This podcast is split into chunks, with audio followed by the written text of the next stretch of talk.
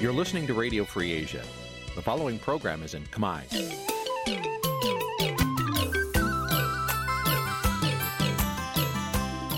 នេះជាកម្មវិធីផ្សាយ Vuthu Azizi Serai នេះជាកម្មវិធីផ្សាយរបស់ Vuthu Azizi Serai ជាភាសាខ្មែរ Vuthu Azizi Serai សូមស្វាគមន៍លោកអ្នកនាងទាំងអស់ពីរដ្ឋធានី Washington នៃសហរដ្ឋអាមេរិក។ ផ្សាយផ្ទាល់ពីរដ្ឋធានី Washington នាងខ្ញុំខែសុណងសូមជម្រាបសួរលោកនាងកញ្ញាប្រិយមិត្តអ្នកស្ដាប់វិទ្យុអាស៊ីសេរីទាំងអស់ជាទីមេត្រីយើងខ្ញុំសូមជូនកម្មវិធីផ្សាយសម្រាប់ព្រឹកថ្ងៃអាទិត្យ300ខែផលគុណឆ្នាំឆ្លូវត្រីស័កពុទ្ធសករាជ2565ដែលត្រូវនឹងថ្ងៃទី20ខែមិនិនាគ្រិស្តសករាជ2022ចាជាដំបូងនេះសូមអញ្ជើញលោកនាងស្ដាប់ព័ត៌មានប្រចាំថ្ងៃដែលមានមេត្តាដូចតទៅ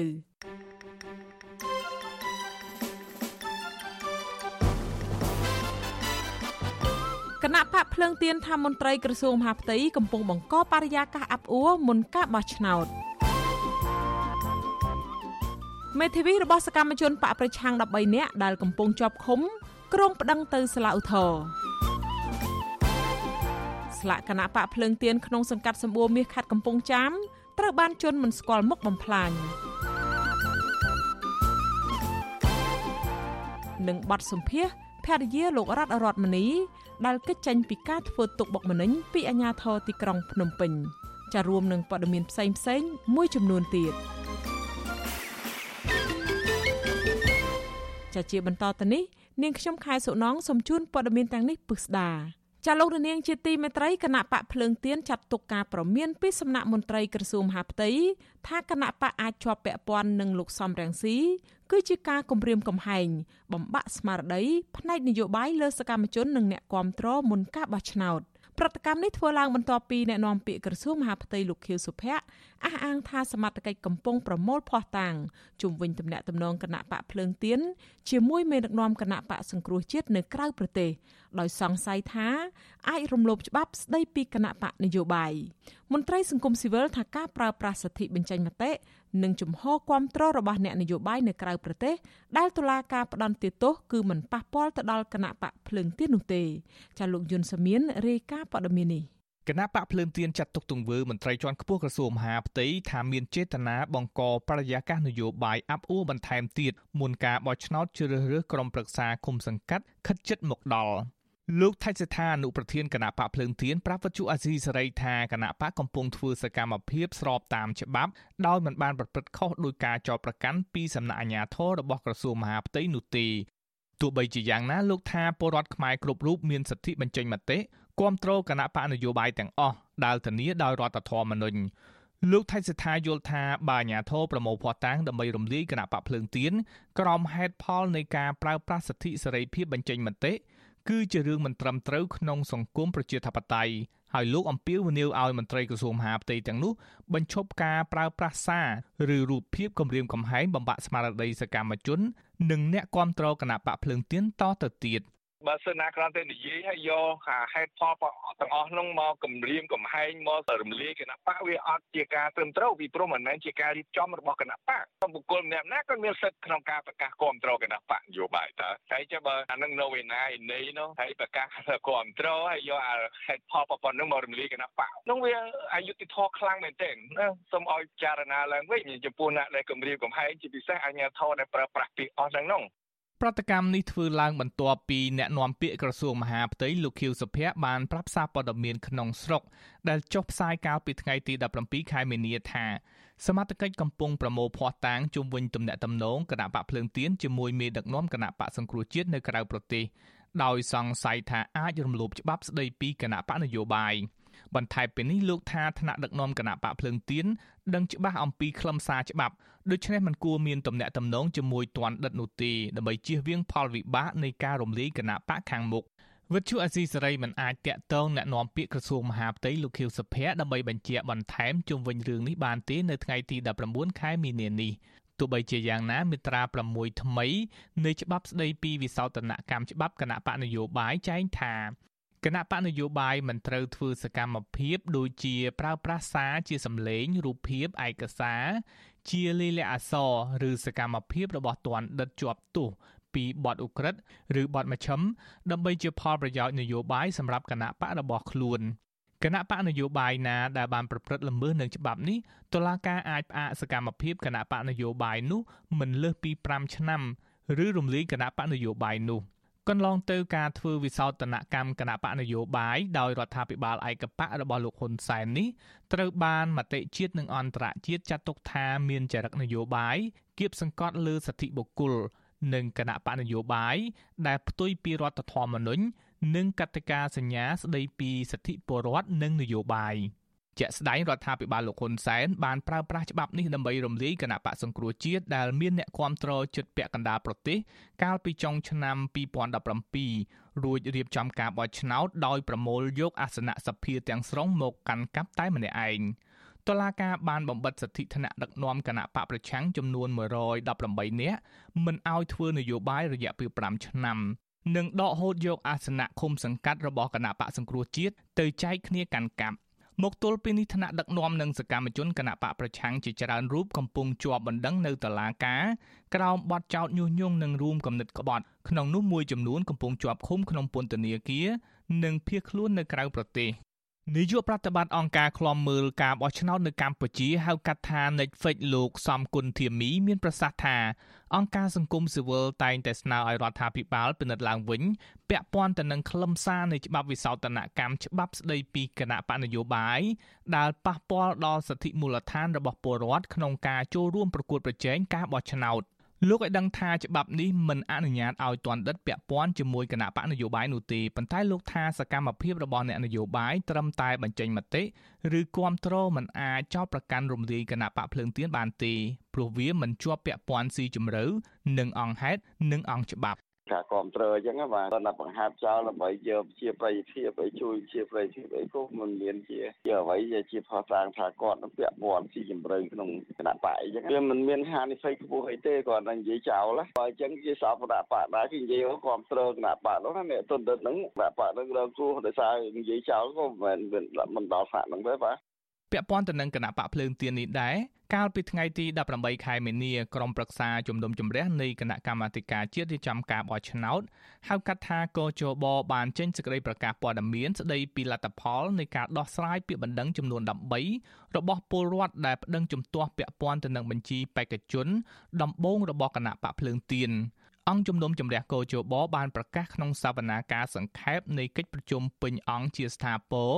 និងបិទផ្លូវតវ៉ាដោយលុបឈ្មោះបេក្ខជនចំនួន20នាក់ចេញពីបញ្ជីបេក្ខជនឈរឈ្មោះដំបូងរបស់គណៈបកភ្លើងទៀន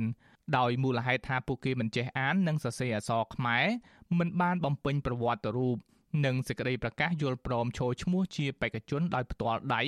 និងមួយចំនួនទៀតមិនមានឈ្មោះបោះឆ្នោតនៅឃុំសង្កាត់ដែលខ្លួនចូលឈ្មោះ ជុំវិញរឿងនេះលោកថៃសិដ្ឋាថ្លែងថាការសម្ដែងរបស់កោជបមិនប៉ះពាល់ដល់បញ្ជីឈ្មោះបេក្ខជនរបស់គណៈបកភ្លើងទៀនតាមឃុំសង្កាត់នោះទេហើយខាងលោកនឹងបំពេញតាមនីតិវិធីច្បាប់ការបដិសេធមកកោជបក៏គេបដិសេធចំពោះបុគ្គលដែលមិនចេះអសរយើងដូច្នេះនៅក្នុងបញ្ជីរបស់យើងនឹងក៏មិនខូចដែរវានៅរក្សាដដែលគណៈបកភ្លើងទៀនបានបដូរឈ្មោះពីរលើករួចមកហើយដោយពីដំបូងមានឈ្មោះថាគណៈបកជាតិខ្មែរ និងក្រោយមកជាគណៈបកសំរងស៊ីការបដូរឈ្មោះពីរលើកនេះដោយសារតែរដ្ឋាភិបាលលោកហ៊ុនសែនបានកែប្រែច្បាប់ដោយចាប់បង្ខំគណៈបកនេះបដូរឈ្មោះដែលតំណងជាការប៉ុនប៉ងលុបឈ្មោះនិងមរតករបស់លោកសំរងស៊ីចេញពីគណៈបកនេះត្បិតគណៈបកនេះត្រូវបានបង្កើតឡើងដោយលោកសំរងស៊ីកាលពីឆ្នាំ1995ខ្ញុំយុនសាមៀនវិទ្យុអាស៊ីសេរីប្រធានាធិបតី Washington អាស៊ីសេរី ចាលោករនាងកញ្ញាជាទីមេត្រីចាសក្តីរាយការណ៍តាក់ទងទៅនឹងការទម្លាក់ស្លាកគណៈបកភ្លើងទៀនឯនេះវិញស្លាកគណៈបកភ្លើងទៀននៅក្នុងសង្កាត់សម្បួរមាសក្រុងកំពង់ចាមខេត្តកំពង់ចាមត្រូវបានមនុស្សមួយក្រុមមានគ្នាចំនួន3ឡាន បានចុះមកផ្ដួលរំលំ និងបំផ្លិចបំផ្លាញកាលពីយប់ម៉ោង9ថ្ងៃទី18ខែមិនិនា ក្រុមការងារគណៈបកភ្លើងទៀននៅខេត្តកំពង់ចាមលោកគៀវិសាលបានប្រាប់វិទ្យុអាស៊ីសេរីតាមទូរស័ព្ទកាលពីយប់ថ្ងៃទី19ខែមិនិនាថាទោះបីជាអាជ្ញាធរមូលដ្ឋាន បានគម្រាមកំហែងដល់ម្ចាស់ផ្ទះឲ្យដកស្លាកគណៈបកចេញក៏ដោយក៏ម្ចាស់ផ្ទះមិនព្រមធ្វើតាមដែរលោកបន្តថាលុះដល់យប់ថ្ងៃទី18ខែមិនិនាក៏មានជនមួយក្រុមដែលមិនស្គាល់មុខនិងអត្តសញ្ញាណ ខ្លះមានស្លៀកពាក់ស៊ីវិលនិងឯកសណ្ឋានប៉ូលីសបានមកកាប់បំផ្លាញប៉ុន្តែម្ចាស់ផ្ទះមិនហ៊ានទៅខាត់ខាំងនោះទេព្រោះបារម្ភពីសុវត្ថិភាពមកដកស្លាកគណៈបកហ្នឹងគឺយើងមិនដឹងថាក្រុមណាមកបីរានអញ្ចឹងចាស់តែថាឃើញមានស្លៀកឯកសារប៉ូលីសផងពីពលផងហើយមកគ្នាច្រើនពេកគាត់ផិតភ័យគាត់គាត់តែមើលតែពីផ្ទះមកគេធ្វើអីធ្វើទៅប៉ុន្តែផ្លាកគណៈបកភ្លឹងទៀននៅលើទឹកដីគាត់ទេចឹងឥឡូវខ្ញុំមិនដឹងថាត្រូវប្តឹងទៅណាបើអាជ្ញាធរអត់ទទួលក៏ត្រូវផង ចឹងខ្ញុំអត់មានជំនឿក្នុងការប្តឹងទៅលើអាជ្ញាធរទេខ្ញុំគិតថាស្លាកគណៈបកនេះវាជាការទទួលខុសត្រូវរបស់អាជ្ញាធរតែអាជ្ញាធរហ្នឹងកំពុងកំហែងកំពុងតែធ្វើទុកបុកម្នេញលើពួកខ្ញុំតើយើងគិតយ៉ាងម៉េចដែលប្រសាសន៍របស់នាយករដ្ឋមន្ត្រីក៏ដូចជាប្រសាសន៍បបនាយករដ្ឋមន្ត្រីតែងតែឲ្យមានការសម្របសម្រួលពីអាជ្ញាធរចុះបើអាជ្ញាធរមិនទទួលខុសត្រូវផងតើឲ្យខ្ញុំប្តឹងទៅខាងណា ការបំផ្លិចបំផ្លាញស្លាកគណៈបកភ្លើងទៀននៅខេត្តកំពង់ចាមនេះធ្វើឡើងមួយថ្ងៃក្រោយដែលប្រតិភូគណៈបកភ្លើងទៀនដឹកនាំដោយលោកថាច់សេដ្ឋានិងប្រតិភូក្រសួងមហាផ្ទៃដឹកនាំដោយលោកសក់សេដ្ឋា កាលពីថ្ងៃទី18ខែមិនិនាបានជួបពិភាក្សាគ្នាលើបញ្ហាមួយចំនួន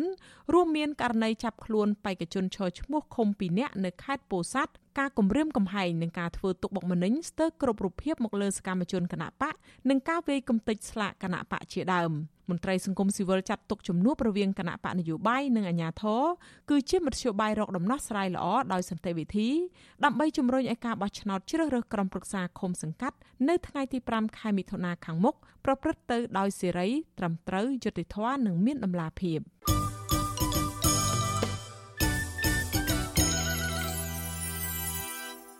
ចាលោករនាងកញ្ញាជាទីមេត្រីចាសំណុំរឿងតាក់ទងទៅនឹងសកម្មជនគណៈបកប្រឆាំងវិញមេធាវីការពារក្តីឲ្យសកម្មជនគណៈបកសង្គ្រោះជាតិទាំង13នាក់ដែលកំពុងជាប់ឃុំនៅក្នុងពន្ធនាគារហើយដែលត្រូវតុលាការក្រុងភ្នំពេញផ្តន្ទាទោសក្នុងសំណុំរឿងញុះញង់និងរួមគំនិតក្បត់នោះក្រុងប្តឹងឧទ្ធរប្រឆាំងការសម្រេចនេះ។ សាច់ញាតិសកម្មជនគណៈបកប្រឆាំងទាំងនោះវិញពួកគាត់លើកឡើងថាបើតុលាការកាត់ក្តីដោយយុត្តិធម៌នោះគ្រួសារពួកគាត់នឹងទទួលបានសេរីភាពឡើងវិញចាអ្នកស្រីម៉ៅសុធានីរាយការណ៍ព័ត៌មាននេះមេធាវីការពារក្តីឲ្យសកម្មជននិងសាច់ញាតិសកម្មជនបពប្រឆាំងហៅការសម្រេចរបស់សាលាដំបងរាជធានីភ្នំពេញដែលបានផ្តន្ទាទោសលើសកម្មជនបពប្រឆាំងថាអយុត្តិធម៌ហើយថាការសម្រេចនេះស្ថិតក្រោមសម្ពាធនយោបាយ ពួកគេរំពឹងថាតឡាការជាន់ខ្ពស់នឹងពិនិត្យសាររើឡើងវិញនៃការសម្រេចរបស់សាលាដំបងរាជធានីភ្នំពេញដើម្បីផ្ដល់យុត្តិធម៌ដល់អ្នកទោសមនសិការទាំងនោះមេធាវីការពីក្តីអសកម្មជនបកសង្គ្រោះជាតិដែលកំពុងជាប់ឃុំគឺលោកឡាវជុនធី ប្រាប់វត្ថុអសីស្រីឲ្យដឹងនៅថ្ងៃទី19ខែមីនាថាកូនក្តីរបស់លោកទាំង13នាក់បានផ្តិតមេដាយរួចហើយដើម្បីប្តឹងទាស់ការសម្រេចរបស់សាលាដំបងរាជធានីភ្នំពេញទៅសាលាអូតូលោកបន្តទៀតថាលោកនឹងទៅជួបកូនក្តីលោកម្ដងទៀតមុនដាក់បណ្ដឹងទៅតុលាការជាន់ខ្ពស់មួយនេះ លោកមេធាវីឲ្យដឹងទៀតថាកូនក្តីរបស់លោកមិនបានជាប់ពាក់ព័ន្ធឬក៏មានតំណែងតំណងទៅនឹងអង្គហេតុជាមួយថ្នាក់ដឹកនាំគណៈបកសង្គ្រោះជាតិនៅក្រៅប្រទេសនោះឡើយលោកក៏បានលើកឡើងទៀតថាការសម្រេចក្តីរបស់សាលាដំបងរាជធានីភ្នំពេញមិនបានបញ្ជាក់ហេតុផលច្បាស់លាស់ក្នុងការចោទប្រកាន់នោះទេដោយគ្រាន់តែអានសេចក្តីសម្រេចតែប៉ុណ្ណោះ កូនក្តីរបស់យើងហ្នឹងគាត់ពិបាកប្រព្រឹត្តតាមគាត់ចោលនោះគឺខាងអ្នកនៅក្រៅនោះគាត់ធ្វើតែគាត់ទៅហើយកូនក្តីយើងហេនៅដាច់កន្លែងហ្នឹងអត់មានតំណែងតំណងគ្នាអត់មានអីផងចោលគ្នាជាមួយគ្នាអញ្ចឹងវាអត់ត្រូវអង្គហេតុណាស្រដៀងគ្នានេះដែរប្រពន្ធសកម្មជនបពប្រឆាំងដែលកំពុងជាប់ឃុំលោកយឹមសារ៉េតគឺលោកស្រីអុកចន្ទធីឲ្យដឹងថាលោកស្រីបានតាមដានសវនកម្មនេះតាំងពីដំបូងរហូតមកដល់តុលាការប្រកាសសាលក្រម លោកស្រីសង្កេតឃើញថាតឡាការគ្មានភ័ស្តុតាងគ្រប់គ្រាន់ក្នុងការចោទប្រកាន់ប្តីរបស់លោកស្រីហើយនិងសកម្មជនផ្សេងទៀតនោះឡើយលោកស្រីបន្តទៀតថាភ័ស្តុតាងដែលដាក់បន្ទុកភាកច្រើនគឺជាការនិយាយទូរស័ព្ទរឿង COVID-19 ក៏ប៉ុន្តែតឡាការបែរជាបានដាក់ទោសប្តីលោកស្រីយ៉ាងធ្ងន់ធ្ងររហូតដល់5ឆ្នាំលោកស្រីយល់ថាប៉ះសិនបតឡាការសម្រេចដោយយុត្តិធម៌នោះប្តីលោកស្រីនឹងត្រូវបានទទួលសេរីភាពមិនជាប់ទោសបែបនេះឡើយ។ ពេលបង្ហាញផ្ោះតាងទៅសារក្រមនឹងគឺអត់មានពាក់ព័ន្ធអីជាមួយលោកប្រធានសំរងស៊ីលោកអេងឆៃអៀងអីគាត់និយាយគាត់បង្កើតតែចលនាសង្គ្រោះជាតិតាំងពីឆ្នាំ2018ហើយនៅសហរដ្ឋអាមេរិកនោះនឹងអត់មានមកពាក់ព័ន្ធអីជាមួយគាត់ហើយពួកគាត់និយាយគ្នារឿងកូវីដអង្ការឆ្នាំ ដើមឆ្នាំ2020នឹងសោះបែរចោតប្រកាន់គាត់ថាគាត់រួមគំនិតក្បត់អានឹងហើយបានថាតឡាការវាគ្មានឯករាជ្យគ្មានយុត្តិធម៌ទេសម្រាប់អ្នកស្លូតត្រង់សម្រាប់អ្នកដែលមាននិន្នាការនយោបាយសាលាដំបងរាជធានីភ្នំពេញកាលពីថ្ងៃទី17ខែមីនា បានប្រកាសសាលក្រមផ្ដន្ទាទោសក្នុងសំណុំរឿងញុះញង់និងរួមគំនិតក្បត់ពាក់ព័ន្ធនឹងដំណើរមាតុភូមិនិវត្តរបស់លោកសំរងស៊ីកាលពីចុងឆ្នាំ2019 តឡាកាបានសម្រេចឲ្យមេដឹកនាំគណៈបកសង្គ្រោះជាតិ7នាក់ដែលកំពុងរស់នៅក្រៅប្រទេសរួមមានលោកសំរងស៊ីលោកអេងឆៃអៀងនិងអ្នកត្រីមួសុខួរជាដើមឲ្យជាប់ពន្ធនាគារក្នុងម្នាក់ម្នាក់10ឆ្នាំពីបទរួមកំណត់ក្បត់ញុះញង់ឲ្យមានភាពវឹកវរធ្ងន់ធ្ងរដល់សន្តិសុខសង្គមនិងញុះញង់កុំឲ្យយោធិនស្ដាប់បង្គាប់ចំណែកឯសកម្មជនគណៈបពប្រឆាំង13នាក់ដែលកំពុងជាប់ឃុំ តឡាកាបានផ្ដន្ទាទោសដាក់ពន្ធនាគារក្នុងម្នាក់ម្នាក់5ឆ្នាំក៏ប៉ុន្តែតឡាកាអនុវត្តទោស3ឆ្នាំ8ខែហើយទោសដែលនៅសេសសល់គឺព្យួររីឯសកម្មជនបពប្រឆាំងម្នាក់ទៀតគឺលោកហិនឆាន ដែលកំពុងស្ថិតនៅក្រៅឃុំតឡាកាក៏បានផ្តន្ទាទោសដាក់ពន្ធនាគារ5ឆ្នាំ តែទោសទាំងអស់ត្រូវបានព្យួរ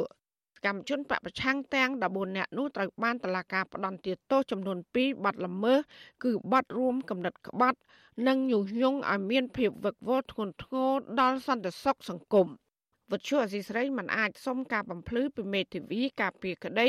មេដឹកនាំគណៈបកសង្គ្រោះជាតិលោកសំសុគង្គបានទេនៅថ្ងៃទី19ខែមីនាតាក់ទងនឹងគម្រោងប្តឹងទាស់ការសម្រេចទៅសាលាឧទ្ធរ ជុំវិញរឿងនេះនាយកទទួលបន្ទុកកិច្ចការទូតនៃអង្គការលីកាដូលោកអំសំអាតយល់ថាការប្រឹងទាស់របស់មេធាវីទៅសាលាឧទ្ធរគឺជាការទាមទារយុត្តិធម៌តាមផ្លូវច្បាប់ទោះយ៉ាងណាលោកសង្កេតឃើញថាសំណុំរឿងដែលមានចរិតនយោបាយបែបនេះលុះត្រាតែមានការចរចាផ្នែកនយោបាយទើបនឹងអាចមានការលើកលែងទោសដល់អ្នកជាប់ឃុំទាំងនោះ រឿងទាំងអស់នេះបើយើងជាអង្គការសង្គមស៊ីវិលដែលយើងធ្វើការទាក់ទងបញ្ហាសិទ្ធិបញ្ហាច្បាប់យើងពិនិត្យមើលទៅថាការចោទប្រកាន់ឬក៏សាលក្រមទាំងអស់ហ្នឹងគឺយើងដិតឲ្យដិតដល់ទៅយើងថាជារឿងនយោបាយច្រើនជាការវត្តតាមផ្លូវច្បាប់ណា អង្គការសិទ្ធិមនុស្សជាតិនិងអន្តរជាតិចាត់ទុកការសម្រេចរបស់តុលាការថាជាការធ្វើទុកបុកម្នេញផ្នែកនយោបាយនិងស្នើឲ្យតុលាការទម្លាក់ចោលការចោទប្រកាន់ហើយនឹងដោះលែងជនជាប់ឃុំទាំងនោះឲ្យមានសេរីភាពឡើងវិញដោយគ្មានលក្ខខណ្ឌចាននាងខ្ញុំម៉ៃសុធានីវិទ្យុអាស៊ីសេរីប្រធានាធិបតី Washington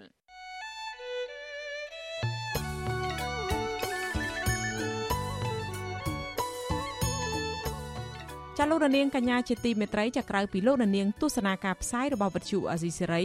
លើបណ្ដាញសង្គម Facebook និង YouTube ចាដំណើរគ្នានឹងការផ្សាយផ្ទាល់លោករនាងក៏អាចស្ដាប់វិទ្យុរលក ធាតុអាកាសខ្លីឬ Shortwave តាមកម្រិតនិងកម្ពស់ដូចតទៅនេះចាប់ពេលព្រឹកចាប់ពីម៉ោង5កន្លះដល់ម៉ោង6កន្លះតាមរយៈរលក ធាតុអាកាសខ្លី9390 kHz ស្មើនឹងកម្ពស់ 32m និង11850 kHz ស្មើនឹងកម្ពស់ 25m ពេលយប់ពីម៉ោង7កន្លះដល់ម៉ោង8កន្លះតាមរយៈរលកធាតុអាកាសខ្លី15155 kHz ស្មើនឹងកម្ពស់ 20m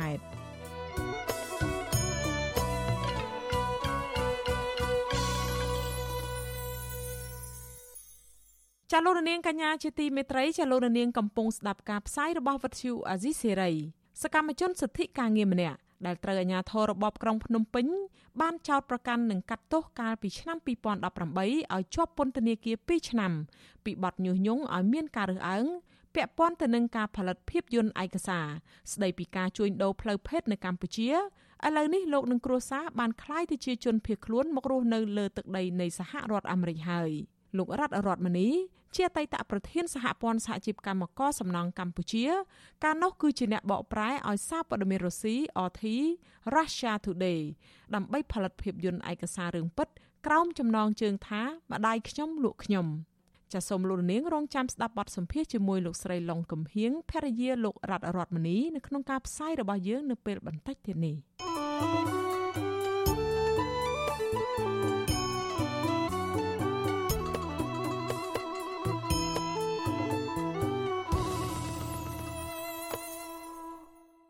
ចចាលោករនាងកញ្ញាជាទីមេត្រីចាតកតងទៅនឹងវិវាទការងាររបស់បុគ្គលិក Nagavel វិញកោតកោ Nagavel ជាច្រើនអ្នកកំពុងមានសុខភាពទ្រុឌទ្រោមដោយសារតែរងការធ្វើបាបដោយហិង្សាពីសំណាក់អាជ្ញាធរនៅពេលដែលពួកគាត់ចេញតវ៉ាទាមទាររកដំណោះស្រាយការងារនៅក្បែរអគារក្រុមហ៊ុន សង្គមស៊ីវិលស្នើដល់ក្រសួងមានសមត្ថកិច្ចអនុវត្តច្បាប់ឲ្យមានប្រសិទ្ធភាពលើអាជ្ញាធរគ្មានក្រមសីលធម៌ហើយអនុវត្តទូនីតិផ្ទុយពីច្បាប់ចាលោកជាតិចំណានរាយការណ៍ព័ត៌មាននេះគណៈកោបុគ្គលិក Nagavel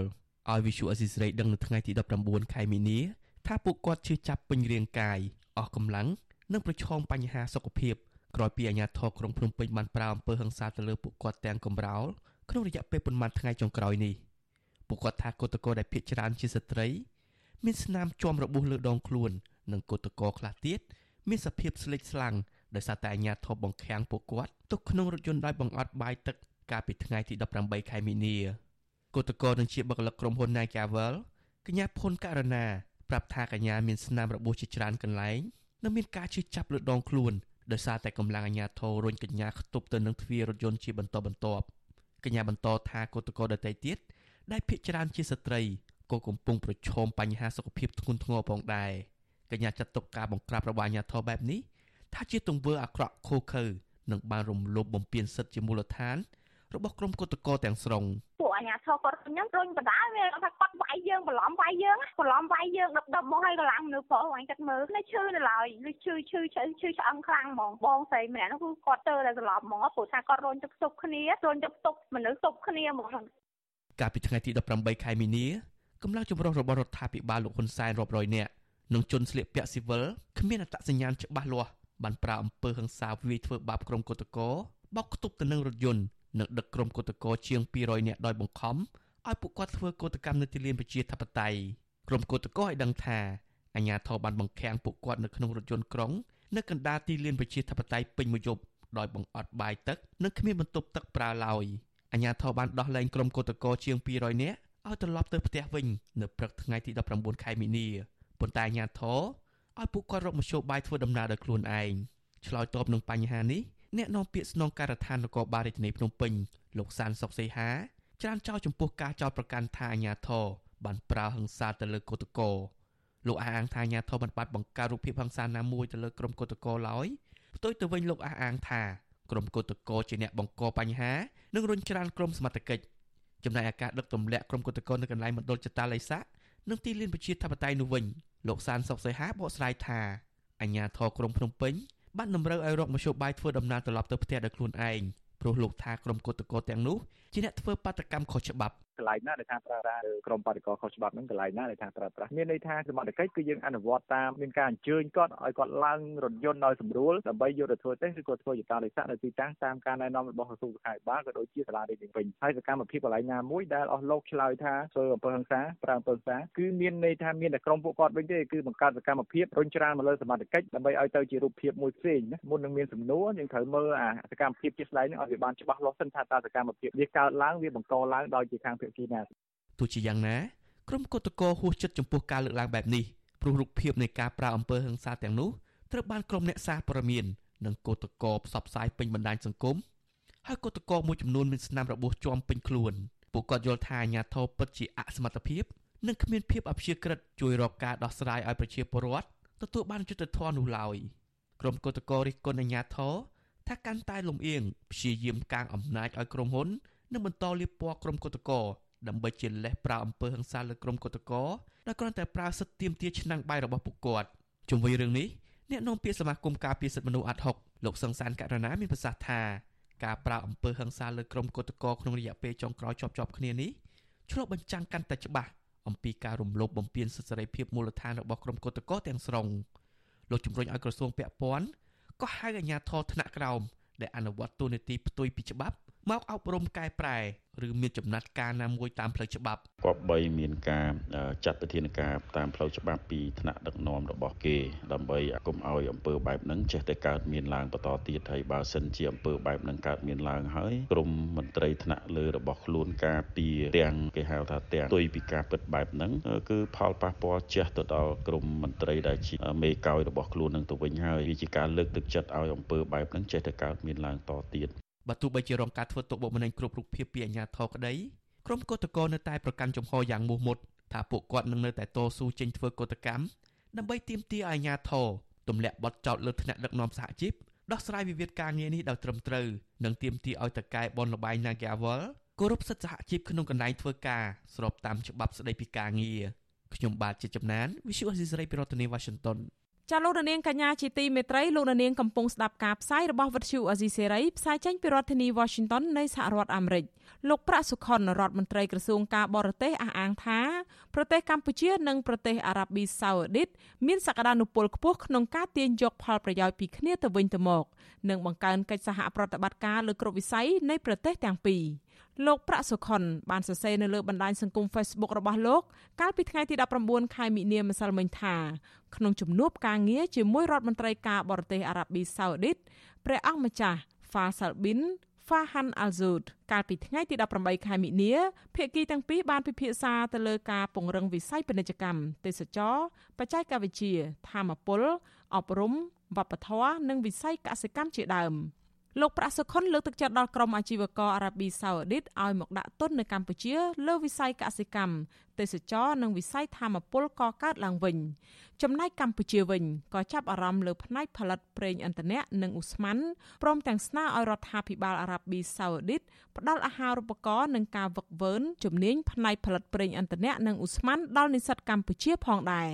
ក្នុងដំណើរទស្សនកិច្ចផ្លូវការមួយថ្ងៃនៅកម្ពុជារដ្ឋមន្ត្រីការបរទេសអារ៉ាប៊ីសាអូឌីត ក៏បានជួបជាមួយលោកនាយករដ្ឋមន្ត្រីហ៊ុនសែនកាលពីរសៀលថ្ងៃទី18ខែមិនិនានៅវិមានសន្តិភាព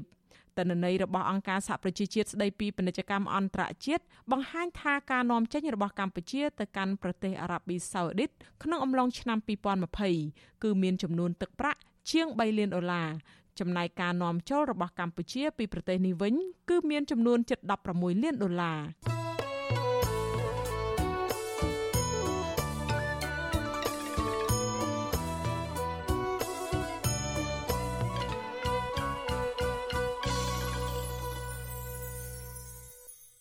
ចាលោករនាងកញ្ញាជាទីមេត្រីចារឿងដាច់ដោយឡែកមួយទៀតអង្គការមូលនិធិប្រាសាទពិភពលោកបានប្រកាសដាក់បញ្ចូលទស្សនវិជ្ជាវប្បធម៌របស់ជនជាតិដើមភាគតិចភ្នងទៅក្នុងកម្មវិធី World Monuments Watch សម្រាប់ឆ្នាំ2022ដែលជាការជ្រើសរើសតំបន់បេតិកភណ្ឌសំខាន់សំខាន់នៅលើពិភពលោកចំនួន20ទីតាំងដើម្បីរក្សាការពារនិងអភិរក្សជាបន្ទាន់។ តំបន់ទាំងនេះបានបង្ហាញយ៉ាងច្បាស់អំពីបញ្ហាប្រឈមជាសកល ដែលទាមទារឲ្យមានវិធានការជាបន្ទាន់នៃការប្រែប្រួលអាកាសធាតុទេសចរអតុល្យភាពការផ្សព្វផ្សាយមិនទាន់គ្រប់គ្រាន់ដើម្បីគ្រប់គ្រងដល់តំបន់បេតិកភណ្ឌនិងប្រជាជនដែលថែទាំតំបន់ទាំងនោះប្រធាននិងអគ្គនាយកអង្គការមូលនិធិប្រាសាទពិភពលោក អ្នកស្រី Benedict Di Monglo បញ្ជាក់ក្នុងសេចក្តីប្រកាសព័ត៌មានកាលពីដើមខែមិនិនាថា ការជួយសង្គ្រោះតំបន់បេតិកភណ្ឌវប្បធម៌ដែលមិនអាចជំនួសបានទាំងនេះគឺមានសារៈសំខាន់ខ្លាំងណាស់អ្នកស្រីបន្តថាតាមរយៈការគ្រប់គ្រងសហគមន៍ក្នុងការអភិរក្សទីតាំងទាំងនោះគឺអាចពង្រឹងទំនាក់ទំនងសង្គមនិងជំរុញឲ្យមានការយល់ដឹងឲ្យកាន់តែទូលំទូលាយក្នុងនាមជាពលរដ្ឋសកលប្រធានសមាគមជនជាតិដើមភាគតិចភ្នងលោកប្រាក់ណែតថ្លែងថាប្រកាសដែលមានឈ្មោះនៅក្នុងបញ្ជីរបស់កម្មវិធី World Monuments Watch គឺជួយឲ្យពិភពលោកបានស្គាល់តំបន់ជនជាតិដើមភាគតិចនៅប្រទេសកម្ពុជា ដើម្បីផ្ទេរចំណេះដឹងទៅកាន់អ្នកជំនាន់ក្រោយអាចរក្សានិងការពារតំបន់នេះកុំឲ្យបាត់បង់ជនជាតិភ្នងគឺជាសហគមន៍ជនជាតិដើមភាគតិចមួយ នៅក្នុងខេត្តមណ្ឌលគិរីដែលជីវភាពរស់នៅរបស់ជនជាតិដើមនេះគឺផ្សារភ្ជាប់យ៉ាងខ្លាំងទៅនឹងទឹកដីដូនតារបស់ពួកគាត់ ក្រៅពីរចនាសម្ព័ន្ធភាសាតាមតំបន់មានភាពពិសេសខុសប្លែកពីគេ គឺទស្សនវិជ្ជាវប្បធម៌របស់ជនជាតិដើមភាគតិចភ្នងរួមមានដីកសិកម្មព្រៃអរិយនិងដីបញ្ចុះសពនិងគ្រប់កន្លែងរស់នៅក្នុងសង្គមគឺបានផ្សារភ្ជាប់ទៅនឹងទំនៀមទម្លាប់សាសនា និងចំណេះដឹងប្រពៃណីទស្សនវិជ្ជានៃការរស់នៅរបស់ជនជាតិដើមភាគតិចភ្នងបានរងឥទ្ធិពលយ៉ាងខ្លាំងពីការអភិវឌ្ឍសេដ្ឋកិច្ចដ៏ធំទូលំទូលាយការទាញយកធនធានធម្មជាតិ និងការប្រែក្លាយដីទៅជាទំនិញជួញដូរដែលជាការគំរាមកំហែងទៅដល់សហគមន៍រស់នៅតាមបែបប្រពៃណីដូនតារបស់អ្នកភូមិសហគមន៍ជនជាតិដើមភាគតិចភ្នងនៅទូទាំងតំបន់ខ្ពង់រាបនៃប្រទេសកម្ពុជា កំពុងព្យាយាមការពារទីតាំងនិងទម្លាប់ចំពោះការរស់នៅប្រចាំថ្ងៃ និងអត្តសញ្ញាណរបស់ពួកគាត់អង្គការមូលនិធិប្រាសាទពិភពលោក បានបើកដំណើរការចាប់ពីឆ្នាំ1996ក្រោមជំនួយឧបត្ថម្ភពីក្រុមហ៊ុន American Express ដោយកម្មវិធី World Monuments Watch បានប្រកាសជ្រើសរើសរៀងរាល់2ឆ្នាំម្ដង ដើម្បីបញ្ចូលទីតាំងដែលកំណត់ដោយពលរដ្ឋលើកកម្ពស់ការយល់ដឹង និងកិច្ចគាំពៀព្រមទាំងបង្កើនសកម្មភាពនិងការគ្រប់គ្រងសម្រាប់ការអភិរក្សរបស់ពួកគេនៅតាមសហគមន៍នៅទូទាំងសកលលោក។ រហូតមកដល់ពេលនេះអង្គការ WMF បានរួមចំណែកផ្ដល់ទឹកប្រាក់ជាង110លានដុល្លារចំពោះគម្រោងនានាដែលមានជាង300ទីតាំងដើម្បីជួយផ្សព្វផ្សាយនិងមានគម្រោងបង្កើនថវិកាសហគមន៍ចំនួន300លានដុល្លារបន្ថែមទៀតពីប្រភពផ្សេងផ្សេង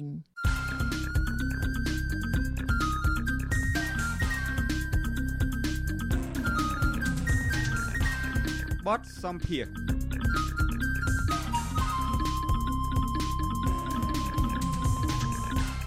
ចាលោករនាងកញ្ញាជាទីមេត្រីសកម្មជនសិទ្ធិការងារម្នាក់ដែលត្រូវអាជ្ញាធររបបក្រុងភ្នំពេញបានចោទប្រកាន់និងកាត់ទោសកាលពីឆ្នាំ2018ឲ្យជាប់ពន្ធនាគារ2ឆ្នាំពីបទញុះញង់ឲ្យមានការរើសអើងពាក់ព័ន្ធទៅនឹងការផលិតខ្សែភាពយន្តឯកសារស្ដីពីការជួញដូរផ្លូវភេទនៅកម្ពុជាឥឡូវនេះលោកនឹងគ្រួសារបានក្លាយទៅជាជនភៀសខ្លួនមករស់នៅលើទឹកដីនៃសហរដ្ឋអាមេរិកហើយ។ លោករតរតមនីជាអតីតប្រធានសហព័ន្ធសហជីពកម្មករសំណង់កម្ពុជា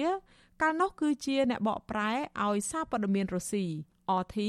Russia Today ដើម្បីផលិតភាពយន្តឯកសាររឿងពិត ក្រោមចំណងជើងថាម្ដាយខ្ញុំលក់ខ្ញុំចាជាបន្តទៅនេះសូមអញ្ជើញលោកនាងស្ដាប់បទសម្ភាសន៍របស់នាងខ្ញុំជាមួយលោកស្រីឡុងកំហៀង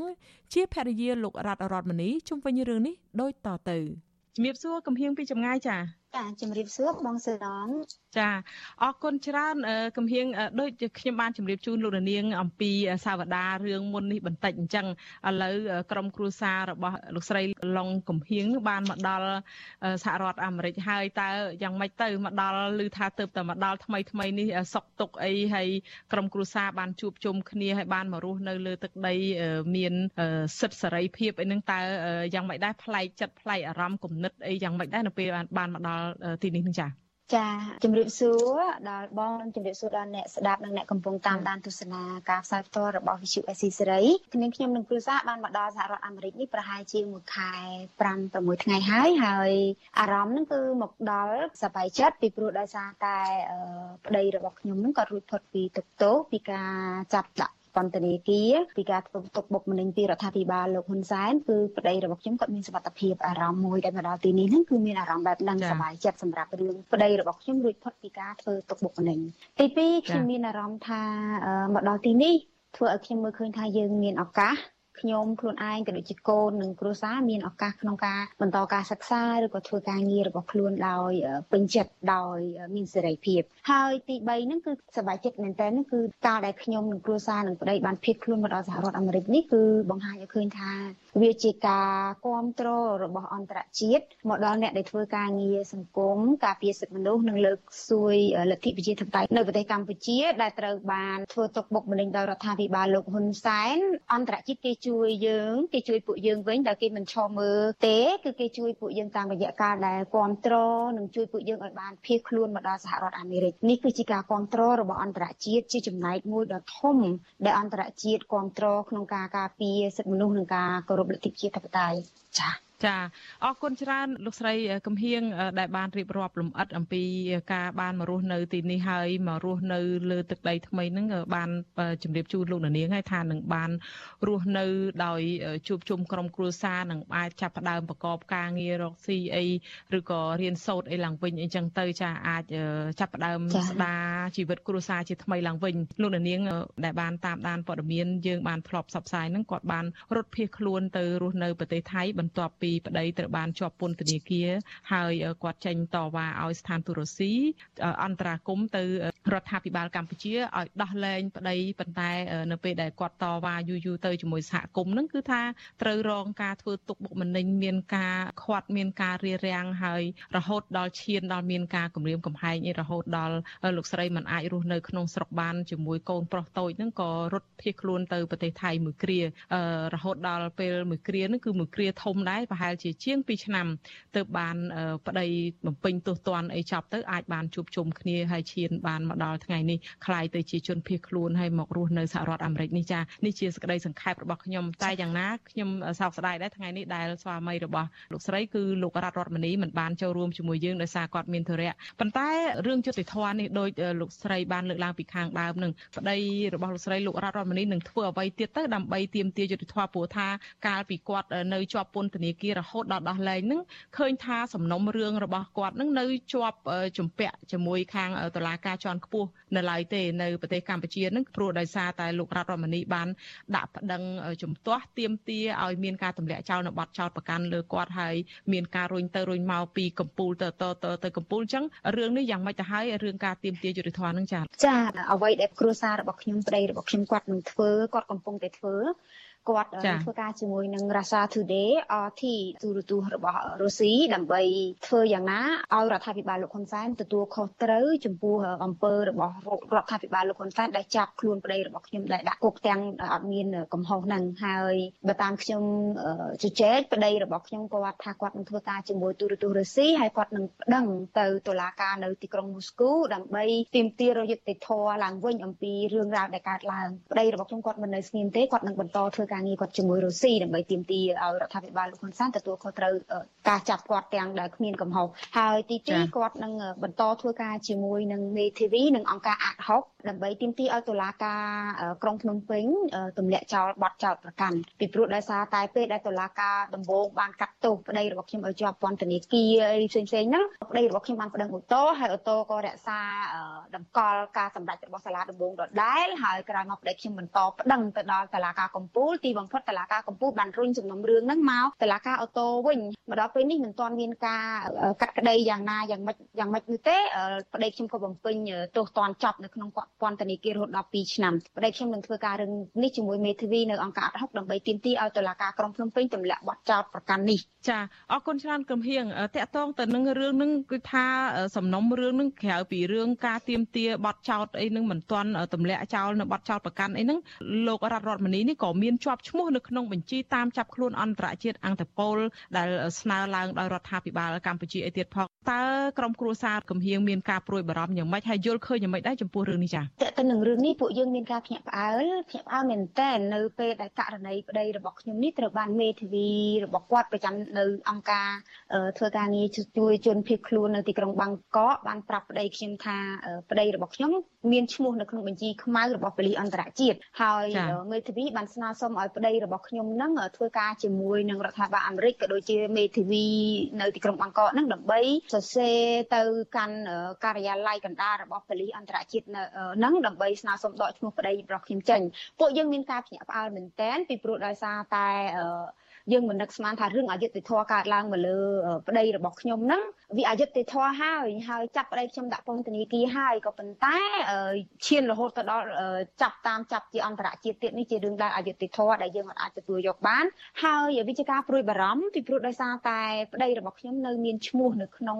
បញ្ជីចាប់ខ្លួនអន្តរជាតិបែបហ្នឹងអញ្ចឹងយើងមានការបារម្ភទៅថ្ងៃខាងមុខឬពេលណាមួយដែលរដ្ឋាភិបាលកម្ពុជា មានការចោទប្រកាន់ឬក៏រករឿងឬក៏ចង់ធ្វើបាបពួកយើងដើម្បីកុំឲ្យពួកយើងនឹងនិយាយដើម្បីបំបិតសិទ្ធិពួកយើងកុំឲ្យយើងបន្តធ្វើការងាររបស់យើងគឺរដ្ឋាភិបាលកម្ពុជាអាចនឹងប្រើឱកាសហ្នឹងរឿងហ្នឹងដដែលដើម្បីឲ្យមានការតាមចាប់ប្តីរបស់ខ្ញុំទៀតបែបហ្នឹងសម្រាប់យើងដែលជាអ្នកសកម្មជនការពារសិទ្ធិមនុស្សជាអ្នកធ្វើការងារដើម្បីលើកកម្ពស់សិទ្ធិប្រជាធិបតេយ្យលទ្ធិប្រជាធិបតេយ្យនៅកម្ពុជានេះគឺពួកយើងអត់មានពណ៌ច្បាស់លាស់សម្រាប់ខ្លួនយើងទេយើងថាយើងសប៉ុន្តែបើសិនជារដ្ឋាភិបាលចង់ចោទយើង ថាខ្មៅគឺគេអាចចោទយើងបានគេចាប់យើងបានស្រេចតែគេអញ្ចឹងនេះជាការព្រួយបារម្ភរបស់ខ្ញុំនាពេលខាងមុខហើយដូច្នេះហើយប្តីរបស់ខ្ញុំនិងមេធាវីរបស់គាត់នឹងធ្វើការរឿងនេះដើម្បីស្នើសុំឲ្យប៉ូលីសអន្តរជាតិលុបឈ្មោះគាត់ចេញពីបញ្ជីប៉ូលីសអន្តរជាតិចា៎ ចាអរគុណច្រើនគំហៀងដែលបានរៀបរាប់លំអិតរឿងនេះហើយគិតទៅសំណុំរឿងនេះមិនមែនថារងគ្រោះតែក្រុមគ្រួសាររបស់លោកស្រីទេគឺថាអ្នកដែលជាប់ពាក់ព័ន្ធនឹងមានទាំងស្ត្រីហើយនិងក្មេងស្រីដែលផ្ដាល់សម្ភារនៅក្នុងខ្សែភាពយន្តនឹងក៏ឮថាពួកគាត់នឹងមិនមានសុខសុវត្ថិភាពអីដែរហើយតើគំហៀងបានដឹងអីខ្លះអំពីពួកគាត់ចា៎បើតាមអ្វីដែលខ្ញុំបានដឹងអ្វីដែលខ្ញុំបានឮមកមួយរយៈនេះគឺយើងមិនអាចធ្វើការតាក់ទងទៅកាន់ក្មេងស្រីឬក៏អ្នកដែលបានផ្ដល់បទសម្ភាសន៍ឲ្យកសែតរាសា Today នឹងទេតាមតែអ្វីដែលយើងបានដឹងព័ត៌មានក្មេងស្រីដែលផ្ដល់បទសម្ភាសន៍ក្នុងទូរទស្សន៍រុស្ស៊ីនោះក៏បានគេចខ្លួនបាត់មិនដឹងថាតើគាត់ទៅដល់ណាធ្វើអីនៅកន្លែងណាមកដល់ពេលនេះយើងមិនអាចតាក់ទងគាត់បានទេចាដូចដែលអស់លោកលោកស្រីបងប្អូនបានដឹងអញ្ចឹងថាពួកគាត់ ស្ត្រីរួមទាំងកូនស្រីដែលបានផ្ដល់បទសម្ភាសឲ្យកសែតរាសា Today ហ្នឹងយើងមើលយើងមើលយើងឃើញយើងដឹងយើងឮគឺពួកគាត់វេទនាគាត់លំបាកក្រីក្ររងគ្រោះដោយសារការបណ្ដេញចេញរងគ្រោះដោយសារអត់មានការងារសមរម្យធ្វើក៏សម្រាប់ចិត្តធ្វើបែបហ្នឹងដើម្បីឲ្យបានរស់នៅណាសម្រាប់ចិត្តលក់កូនឬក៏យ៉ាងម៉េចដោយដែលអស់លោកបានឃើញប្រដដែលគាត់បានផ្ដល់បទសម្ភាសឲ្យក្នុងកសែតរុស្ស៊ីចឹងសម្រាប់ចិត្តធ្វើរឿងបែបហ្នឹងហើយនៅពេលដែលគាត់មកនិយាយជាមួយអ្នកកសែតប្រាប់រឿងបែបហ្នឹងរបស់គាត់ទុកខ្សោករបស់គាត់រឿងវេទនារបស់គាត់ដើម្បីឲ្យរដ្ឋាភិបាលកម្ពុជាជួយដោះស្រាយឬអ្នកពាក់ព័ន្ធជួយដោះស្រាយជួយគាត់ប៉ុន្តែគាត់កាន់តែរងគ្រោះទៀតនៅពេលដែលគាត់គ្រាន់តែនិយាយជាមួយអ្នកកសែត គាត់បែរជាមានបញ្ហាគាត់ត្រូវប៉ូលីសហៅគាត់ទៅសួរនាំពី3ថ្ងៃជាប់គ្នាហើយរហូតអ្វីដែលគាត់និយាយទៅកាន់កាសែតរុស្ស៊ីនិយាយជាមួយអ្នកកាសែតបែរជាគាត់មានរឿងព្រោះនៅក្នុងច្បាប់កម្ពុជារបស់យើងនៅក្នុងច្បាប់របស់យើងការនិយាយជាមួយអ្នកកាសែតផ្ដល់ព័ត៌មានឲ្យអ្នកកាសែតមិនមានទោសទេប៉ុន្តែនៅកម្ពុជាអង្គើអយុធធម៌វាកើតឡើងច្រើនលើសលប់ដែលធ្វើឲ្យគ្រាន់តែយើងនិយាយជាមួយអ្នកកាសែត ពលរដ្ឋដែលហ៊ាននិយាយជាមួយអ្នកកសែតរៀបរាប់អំពីរឿងរ៉ាវលាតត្រដាងរឿងទុកសោករបស់ខ្លួនដើម្បីបានការជួយប៉ុន្តែបែរជាមានរឿង វាជារឿងរងគ្រោះហើយរងគ្រោះទៀតសម្រាប់ពលរដ្ឋខ្មែរដូចជាគាត់ហ្នឹងចាកំហៀងចំណុចនេះយើងដឹងហើយថាពេលដែលអាជ្ញាធរចោតប្រកាន់ហ្នឹងគឺថាចោតប្រកាន់ប្តីរបស់កំហៀងលោករដ្ឋរដ្ឋមនីហ្នឹងថាបានផ្ដល់លុយឲ្យតួអង្គអីដើម្បីប្រឌិតសាច់រឿងអីចឹងហើយបញ្ហាហ្នឹងធ្វើឲ្យប៉ះពាល់ដល់កិត្តិយសស្ត្រីខ្មែរហើយនិងមុខមាត់ប្រទេសកម្ពុជាឯណោះការចោតប្រកាន់នេះតែយ៉ាងណានៅក្នុងសាច់រឿងហ្នឹងតួអង្គម្នាក់នៅក្នុងខ្សែភាពយន្តហ្នឹងក៏ធ្លាប់បានផ្ដល់សម្ភារឲ្យអ្នកសារព័ត៌មានឲ្យវិទ្យុអេស៊ីសេរីក៏និយាយអំពីថារឿងរ៉ាវនេះគឺជាជីវិតពិតផ្ទាល់ខ្លួនដោយអ្វីដែលកំហៀងបានលើកឡើងហ្នឹងហើយគាត់ចង់ទម្លាយជាសាធារណៈអញ្ចឹងទៅព្រោះអីគាត់អត់បានទទួលលុយពីលោករដ្ឋរដ្ឋមនីដែលជាស្វាមីរបស់កំហៀងអីចឹងទេចាតែយ៉ាងណាចុងក្រោយតើរឿងអំពើអយុត្តិធម៌ហ្នឹងវាប៉ះពាល់ជះផលអាក្រក់យ៉ាងម៉េចទៅដល់ក្រុមគ្រួសាររបស់កំហៀងដែលជួបប្រទះនៅបញ្ហាហ្នឹងចាផលអាក្រក់ នៃការកើតឡើងដោយសារអំពើអយុត្តិធម៌ដែលបានកើតឡើងមកលើគ្រួសារខ្ញុំមកលើខ្ញុំហើយក៏ដូចជាអំពើអយុត្តិធម៌ដែលកើតឡើងលើពលរដ្ឋខ្មែរដទៃផ្សេងទៀតដែរហ្នឹងវាមានផលអាក្រក់ទី1គឺអ្នកដែលគ្មានទោសបែរត្រូវជាមានទោសជាប់គុកប្តីរបស់ខ្ញុំមិនមានទោសទេដោយអស់លោកលោកស្រីបងប្អូនខ្មែរយើងបានដឹងទេមិនមានទោសទេប៉ុន្តែបែរទៅជាជាប់គុកដល់រហូតដល់2ឆ្នាំហើយនៅពេលដែលជាប់គុកនេះគឺធ្វើឲ្យអ្នកដែលគ្មានទោសមានទោសហើយប្រឈមនឹងការឆ្លងជំងឺ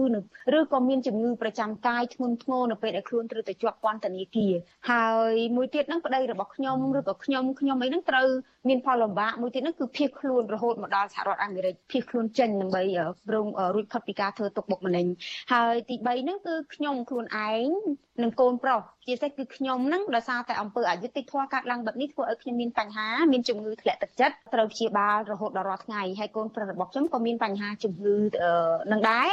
ដែលត្រូវតម្រូវឲ្យយើងព្យាបាលចា សម្រាប់ខ្ញុំដើម្បីបញ្ចប់អំពើអយុត្តិធម៌ទាំងនេះគឺប្រជាពលរដ្ឋខ្មែររួមទាំងខ្ញុំក៏ដូចជាប្រជាពលរដ្ឋដទៃទៀតទូទាំងប្រទេសហ្នឹងគឺអាចធ្វើបានគឺយើងទាំងអស់គ្នាអាចរួមគ្នាបញ្ចប់អំពើអយុត្តិធម៌នេះព្រោះដើម្បីកុំឲ្យអំពើអយុត្តិធម៌ដែលវាកើតឡើងនេះពីម្នាក់ទៅម្នាក់ពីម្នាក់ទៅម្នាក់ស្ទើរតែគ្រប់គ្នានៅក្នុងប្រទេសកម្ពុជាដែលរងអយុត្តិធម៌អ្នកដែលគ្មានទោសត្រូវមានទោសហ្នឹងគឺស្ទើរតែគ្រប់គ្នាហើយដូច្នេះប្រជាពលរដ្ឋខ្មែរខ្ញុំសូមនិយាយថាយើងអាចធ្វើបានយើងអាចបញ្ចប់បានគឺយើងទាំងអស់គ្នាប្រើប្រាស់សិទ្ធិរបស់ពួកយើងសិទ្ធិពលរដ្ឋដែលមាននៅក្នុងច្បាប់បានចែងទៅបោះឆ្នោតហើយបញ្ឈប់ការគ្រប់គ្រងដល់រដ្ឋាភិបាលលោកហ៊ុនសែនមានតែការបញ្ឈប់ការគ្រប់គ្រងរដ្ឋាភិបាលលោកហ៊ុនសែនដែលកាន់អំណាចរាប់សប្តាហ៍ថ្ងៃទេទើបអាចបញ្ឈប់អំពើអយុត្តិធម៌បានសូមអរគុណនិងជំរាបលាប៉ុណ្ណេះសិនចាចាអរគុណជំរាបលា ចាលោកនាងកញ្ញាជាទីមេត្រីចាំបាញ់មិញនេះលោកនាងទើបបានស្ដាប់បទសម្ភាសរបស់នាងខ្ញុំជាមួយលោកស្រីឡុងកំហៀងភរិយាលោករដ្ឋរដ្ឋមនីជាសកម្មជនសិទ្ធិកាងារដែលអាជ្ញាធរក្រុងភ្នំពេញបានកាត់ទោសឲ្យជាប់ពន្ធនាគារ2ឆ្នាំពីបទញុះញង់ឲ្យមានការរើសអើងកាលពីឆ្នាំ2018ហើយបច្ចុប្បន្នបានភៀសខ្លួនមករស់នៅលើទឹកដីនៃសហរដ្ឋអាមេរិក។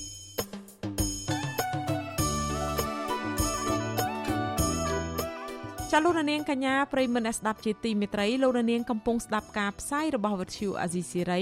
ផ្សាយចេញពីរដ្ឋធានី Washington នៃសហរដ្ឋអាមេរិកនៅក្នុងឱកាសនេះដែរនាងខ្ញុំសូមថ្លែងអំណរគុណដល់លោកនាងកញ្ញាទាំងអស់ដែលតែងតែមានភក្ដីភាពចំពោះការផ្សាយរបស់យើងហើយចាត់ទុកការស្ដាប់វិទ្យុអាស៊ីសេរីគឺជាផ្នែកមួយនៃសកម្មភាពប្រចាំថ្ងៃរបស់លោកនាងការគ្រប់គ្រងរបស់លោកនាងនេះហើយដែលធ្វើឲ្យយើងខ្ញុំមានទឹកចិត្តកាន់តែខ្លាំងថែមទៀត ក្នុងការស្វែងរកនិងផ្តល់ព័ត៌មានជូនលោកអ្នកនាង មានអ្នកស្ដាប់អ្នកទស្សនាកាន់តែច្រើន កាន់តែធ្វើឲ្យយើងខ្ញុំមានភាពស្វាហាប់មោះមុតជាបន្តទៀតចា៎យើងខ្ញុំសូមអរគុណទុកជាមុនហើយសូមអញ្ជើញលោកអ្នកនាងកញ្ញាចូលរួមជំរុញឲ្យសកម្មភាពផ្តល់ព័ត៌មានរបស់យើងកាន់តែជោគជ័យបន្ថែមទៀតចាសសូមលោកអ្នកនាង ជួយយើងខ្ញុំដោយគ្រាន់តែចុចចែករំលែកឬ share ការផ្សាយរបស់យើងនៅលើបណ្ដាញសង្គម Facebook និង YouTube ទៅកាន់មិត្តភ័ក្តិរបស់លោកអ្នក ដើម្បីឲ្យការផ្សាយរបស់យើង បានទៅដល់មនុស្សកាន់តែច្រើន ចាសសូមអរគុណ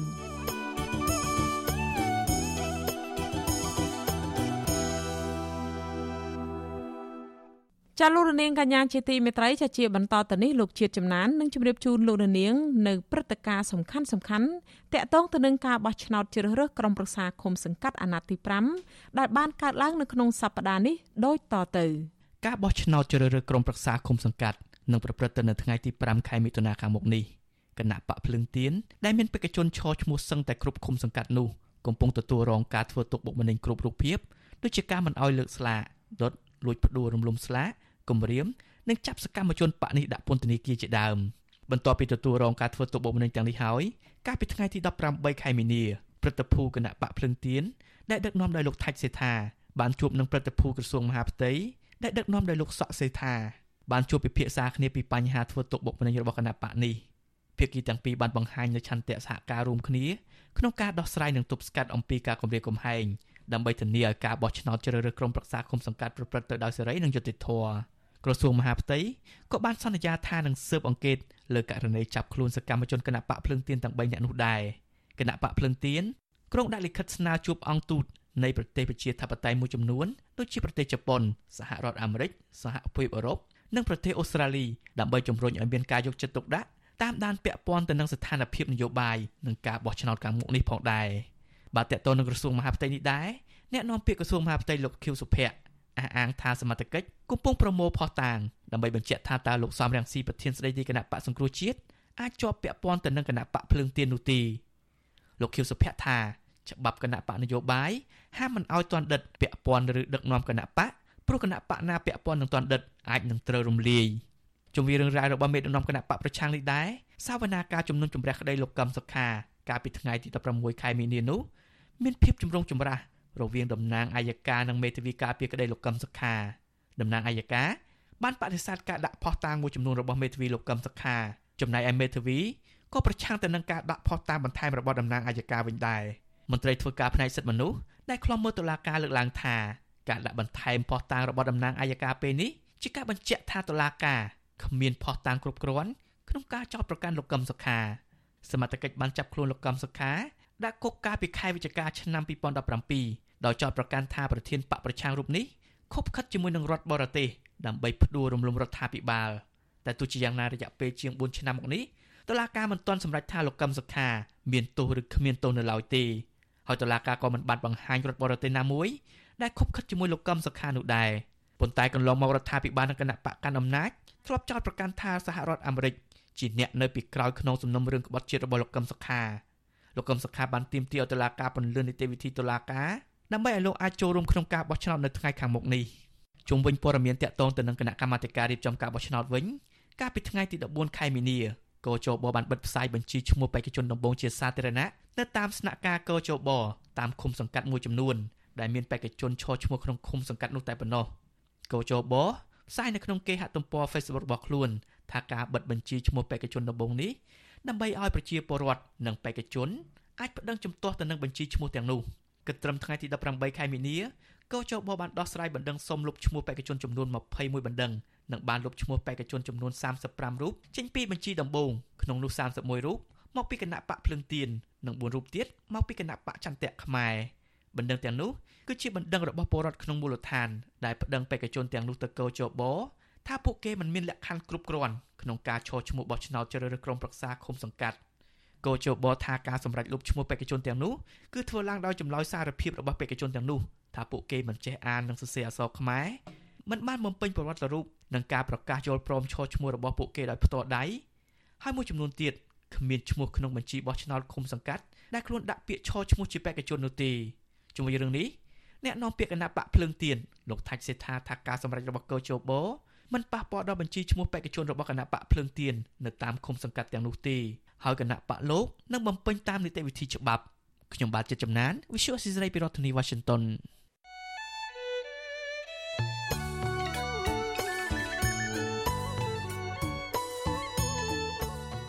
លោករនាងកញ្ញាជាទីមេត្រីចាក្រៅពីលោករនាងទស្សនាការផ្សាយរបស់វិទ្យុអាស៊ីសេរី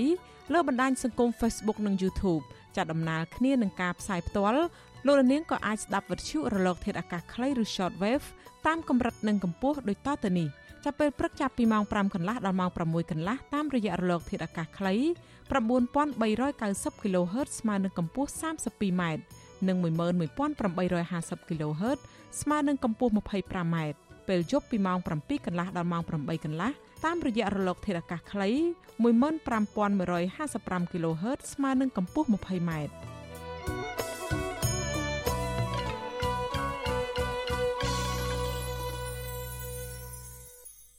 ចាលោករនាងជាទីមេត្រីជំងឺកញ្ជ្រិលងាយឆ្លងពីមនុស្សម្នាក់ទៅមនុស្សម្នាក់ទៀតយ៉ាងឆាប់រហ័សតាមរយៈការប៉ះពាល់ដោយផ្ទាល់ជាមួយអ្នកជំងឺដែលក្អក កណ្ដាស់និងតាមរយៈខ្យល់ដកដង្ហើមនៅពេលកុមារឆ្លងជំងឺកញ្ជ្រិលកុមារនោះនឹងស្ដែងចេញជារោគសញ្ញាស្រដៀងនឹងជំងឺគ្រុនផ្ដាសាយដែរគឺគ្រុនក្តៅហៀសម្បោរឈឺភ្នែកក្អកនិងចេញជាកន្ទួលក្រហមនៅលើស្បែករបស់កុមារតើកត្តាអ្វីខ្លះបណ្ដាលឲ្យទារកនិងកុមារកើតជំងឺកញ្ជ្រិលហើយធ្វើដូចម្តេចដើម្បីការពារចាសសូមអញ្ជើញលោកនាងស្ដាប់សេចក្តីរាយការណ៍របស់អ្នកស្រីម៉ៅសុធានីអំពីបញ្ហានេះដូចតទៅ គ្រូពេទ្យកុមារឲ្យដឹងថាការចាក់វ៉ាក់សាំងការពារជំងឺកញ្ជ្រិលស្រឡតតែននិងស្អូចហៅកាត់ថា MMR គឺជាមធ្យោបាយដ៏ប្រសើរបំផុត ដើម្បីកាត់បន្ថយហានិភ័យដល់កុមារគ្រប់រូបដែលអាចប្រឈមបញ្ហាសុខភាពធ្ងន់ធ្ងររហូតដល់ករណីខ្លះអាចបាត់បង់ជីវិតក៏មានជំងឺកញ្ជ្រឹលងាយកើតនិងឆ្លងចំពោះកុមារដែលខ្វះអាហារូបត្ថម្ភកុមារដែលកើតជំងឺរបេង កុមារដែលមិនបានបើកទឹកដោះដំបូងរបស់ម្ដាយគ្រប់គ្រាន់និងការរស់នៅប្រចាំថ្ងៃខ្វះអនាម័យចារោគសញ្ញាដំបូងដំបូងនៃជំងឺកញ្ជ្រិលគឺក្តៅខ្លួនខ្លាំងរហូតដល់40អង្សាសេក្នុងអំឡុងពេលពី4ទៅ7ថ្ងៃក្រោយដែលពិបានចាប់ផ្ដើមឆ្លងវីរុសឬមេរោគរយៈពេលពី10ទៅ12ថ្ងៃរោគសញ្ញាបន្ទាប់មកគឺហៀសម្បោក្អកភ្នែកឡើងក្រហម ហៀទឹកភ្នែកនិងមានចេញកន្ទួលល្អិតតូចតូចពណ៌សនៅក្នុងមាត់រយៈពេលពី3ទៅ5ថ្ងៃក្រោយទៀតក៏ឃើញមានការចេញកន្ទួលក្រហមរាលដាលចាប់ពីក្បាលដល់បាតជើងគ្រូពេទ្យជំនាញឯកទេសទូទៅលោកវិជ្ជបណ្ឌិតហៀងរតនា ម្ចាស់ clinic មេតានៅរាជធានីភ្នំពេញមានប្រសាសន៍ប្រាប់វិទ្យុអសីសេរីថាបច្ចុប្បន្ននៅកម្ពុជា មានកម្មវិធីចាក់វ៉ាក់សាំងការពារជំងឺកញ្ជ្រឹលស្អូចដែលឥតគិតថ្លៃលោកថាមេដាបេដាប៉ះសិនបកូនក្តៅខ្លួនដាក់ថ្នាំមិនបាត់និងចេញកន្ទួលតូចតូចនៅលើស្បែកគឺត្រូវយកទៅជួបគ្រូពេទ្យជាបន្ទាន់ហើយចំពោះកញ្ជ្រឹលហ្នឹងគឺក៏វាផ្ដល់គ្រោះថ្នាក់ដែរហើយវាវាឆ្លងលឿនឆ្លងលឿនមែនទែន គឺឆ្លងតាមរយៈឆ្លងដូចកូវីដចឹងតាមរយៈទឹកមាត់តាមរយៈទឹករងៃតាមរយៈការនិយាយស្ដីគិតគ្នាការឆាតការអីហ្នឹងវាជ្រៅវាអាចប៉ះពាល់ដល់ក្មេងពិសេសប៉ះពាល់អាចប៉ះពាល់ភ្នែកពិសេសអាលិគុកក្បាលដែរលោកវិជ្ជបណ្ឌិតហៀងរតនាបន្តថាកញ្ជ្រែនិងស្អូចគឺជាពពួកវីរុសឆ្លងតាមផ្លូវដង្ហើមតាមទឹកមាត់តាមសម្បោរដែលមានលេចចេញកន្ទួលរមាស់ ហើយពេលចេញដំបូងគឺនៅផ្ទៃមុខដៃជើងនិងមានរយៈពេលពី2ទៅ5ថ្ងៃដូចគ្នាចាលោកថាទាំងជំងឺស្អូចនិងកញ្ជ្រឹលគឺកើតមានតែម្ដងប៉ុណ្ណោះក្នុងជីវិតរបស់មនុស្សម្នាក់ម្នាក់ហើយថាបើទោះបីជាកុមារបានចាក់វ៉ាក់សាំងហើយក៏ដោយពេលខ្លះក៏នៅតែកើតដែរគ្រាន់តែមានសភាពស្រាលជាងអ្នកដែលមិនបានចាក់វ៉ាក់សាំងបាទអឺខ្ញុំគិតថាជំងឺកញ្ជ្រឹលគឺជំងឺឆ្លងឆ្លងលឿនណាស់កញ្ជ្រឹល អញ្ចឹងហើយក្នុងការវិភាគចាក់វ៉ាក់សាំងរបស់អឺទូរស័ព្ទបាទខ្មែរយើងចាប់ពី6ខែទៅគេឲ្យចាក់វ៉ាក់សាំងកញ្ជ្រឹលហើយមានកញ្ជ្រឹលស្អូតតែពីមុខហ្នឹងជាមួយគ្នាបើកាលពីមុនគេចាក់ចាប់ពី9ខែឡើងទៅតែប៉ុន្តែដល់ពេលឥឡូវវាឃើញថាថ្មីចាប់ពី6ខែទៅមានការវិជ្រើដែរអញ្ចឹងគេដូរកម្មវិធីមកចាក់នៅ6ខែវិញគេចាក់3ដងចាប់ពី6ខែ9ខែនិង18ខែមានវ៉ាក់សាំងជ្រើស្អុតមកអំពូលនោះមានពីរមុខបញ្ចូលគ្នា គេហទំព័រអង្គការសុខភាពពិភពលោកឲ្យដឹងថាផលវិបាកធ្ងន់ធ្ងរនៃអ្នកកាត់ជំងឺកញ្ជ្រឹលអាចបណ្ដាលឲ្យស្លាប់ជាពិសេសគឺកុមារអាយុក្រោម5ឆ្នាំករណីធ្ងន់ធ្ងរខ្លះបណ្ដាលខ្វាក់ភ្នែកបណ្ដាលឲ្យហើមខួរក្បាល រលាកប្រព័ន្ធដកដង្ហើមរាគរូសយ៉ាងខ្លាំងនិងខ្វះជាតិទឹកអ្នកកាត់ជំងឺកញ្ជ្រឹលធ្ងន់ធ្ងរច្រើនកាត់ចំពោះក្រុមគ្រួសារក្រីក្រ ខ្វះអាហារូបត្ថម្ភដល់កុមារជាពិសេស អ្នកដែលខ្វះវីតាមីន A និងអ្នកដែលមានប្រព័ន្ធការពារខ្លួនខ្សោយរួមមានអ្នកកើតជំងឺអេដជាដើមក្រុមអ្នកជំនាញនៃអង្គការសុខភាពពិភពលោកឲ្យដឹងថាកញ្ជ្រឹលបណ្ដាលមកពីវីរុសប្រភេទក្នុងក្រុមឈ្មោះ Paramesovirus ដែលឆ្លងតាមរយៈការប៉ះពាល់ដោយផ្ទាល់ជាមួយអ្នកជំងឺ និងតាមរយៈខ្យល់ជំងឺកញ្ជ្រឹលច្រើនកាត់ចំពោះកុមារដែលមានអាយុចាប់ពី9ខែរហូតដល់15ឆ្នាំ។ កុមារងាយកាត់ជំងឺកញ្ជ្រឹលពីព្រោះកុមារមានប្រព័ន្ធភាពស៊ាំនៅរាងកាយខ្សោយ ខ្វះអាហារូបត្ថម្ភដែលនាំឲ្យកុមារងាយប្រឈមនឹងការកាត់ជំងឺឆ្លងផ្សេងផ្សេងអង្គការសុខភាពពិភពលោកឲ្យដឹងដែរថាពុំមានវិធីព្យាបាលច្បាស់លាស់ណាមួយ សម្រាប់មេរោគកញ្ជ្រឹលនោះឡើយគេអាចកាត់បន្ថយផលវិបាកធ្ងន់ធ្ងរដោយសារតែជំងឺកញ្ជ្រឹលគឺការផ្ដល់អាហារូបត្ថម្ភគ្រប់គ្រាន់ដល់កុមារ ការរស់នៅ មានអនាម័យស្អាតល្អនិងឲ្យកុមារទទួលទានទឹកឲ្យបានច្រើននៅទន្ទឹមនេះដែរស្ត្រីជាម្ដាយគួរតែធ្វើបបរខាប់គ្រប់គ្រឿងឲ្យទៅរក់ឬក៏កុមារឲ្យទទួលទាន បន្ទាប់ពីបានបើកទឹកដោះម្ដាយបាន6ខែយ៉ាងតិចការទទួលទានបបរខាប់គ្រប់គ្រឿងអាចកាត់បន្ថយការចំណាយលើថ្លៃទឹកដោះគោជួយឲ្យកុមារមានសុខភាពល្អ និងមានប្រព័ន្ធស៊ាំរាងកាយល្អប្រសើរដើម្បីការពារការឆ្លងជំងឺផ្សេងផ្សេងដែលបណ្ដាលមកពីបាក់តេរីនិងមេរោគនានាបន្ថែមពីនេះអ្នកជំនាញផ្នែកសុខភាពនៅកម្ពុជាណែនាំថានៅពេលដែលសង្ស័យថាកុមារកើតជំងឺកញ្ជ្រឹលឪពុកម្ដាយឬក៏អាណាព្យាបាលត្រូវជៀសវាងនៅជំនឿមិនសមហេតុសមផលមួយចំនួន ដូចជាការបន់ស្រន់ ការស្ដោះផ្លុំរបស់គ្រូខ្មែរបុរាណនិងមិនត្រូវផ្សំថ្នាំឲ្យកុមារលេបផ្ដេសផ្ដាស់ដោយគ្មានវិជ្ជបញ្ជាត្រឹមត្រូវជាដាច់ខាត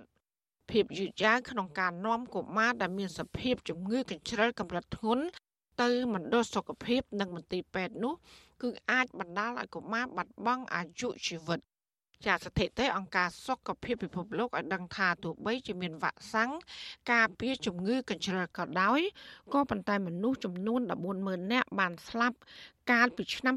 2018នៅជុំវិញពិភពលោក ក្នុងនោះក៏មាន24នាក់នៅក្នុងប្រទេសកម្ពុជាដែលសារតែជំងឺកញ្ជ្រឹលហើយភាគច្រើនបំផុតគឺកុមារអាយុក្រោម5ឆ្នាំចាននាងខ្ញុំម៉ៃសុធានីវិទ្យុអាស៊ីស្រីប្រធានាធិបតី Washington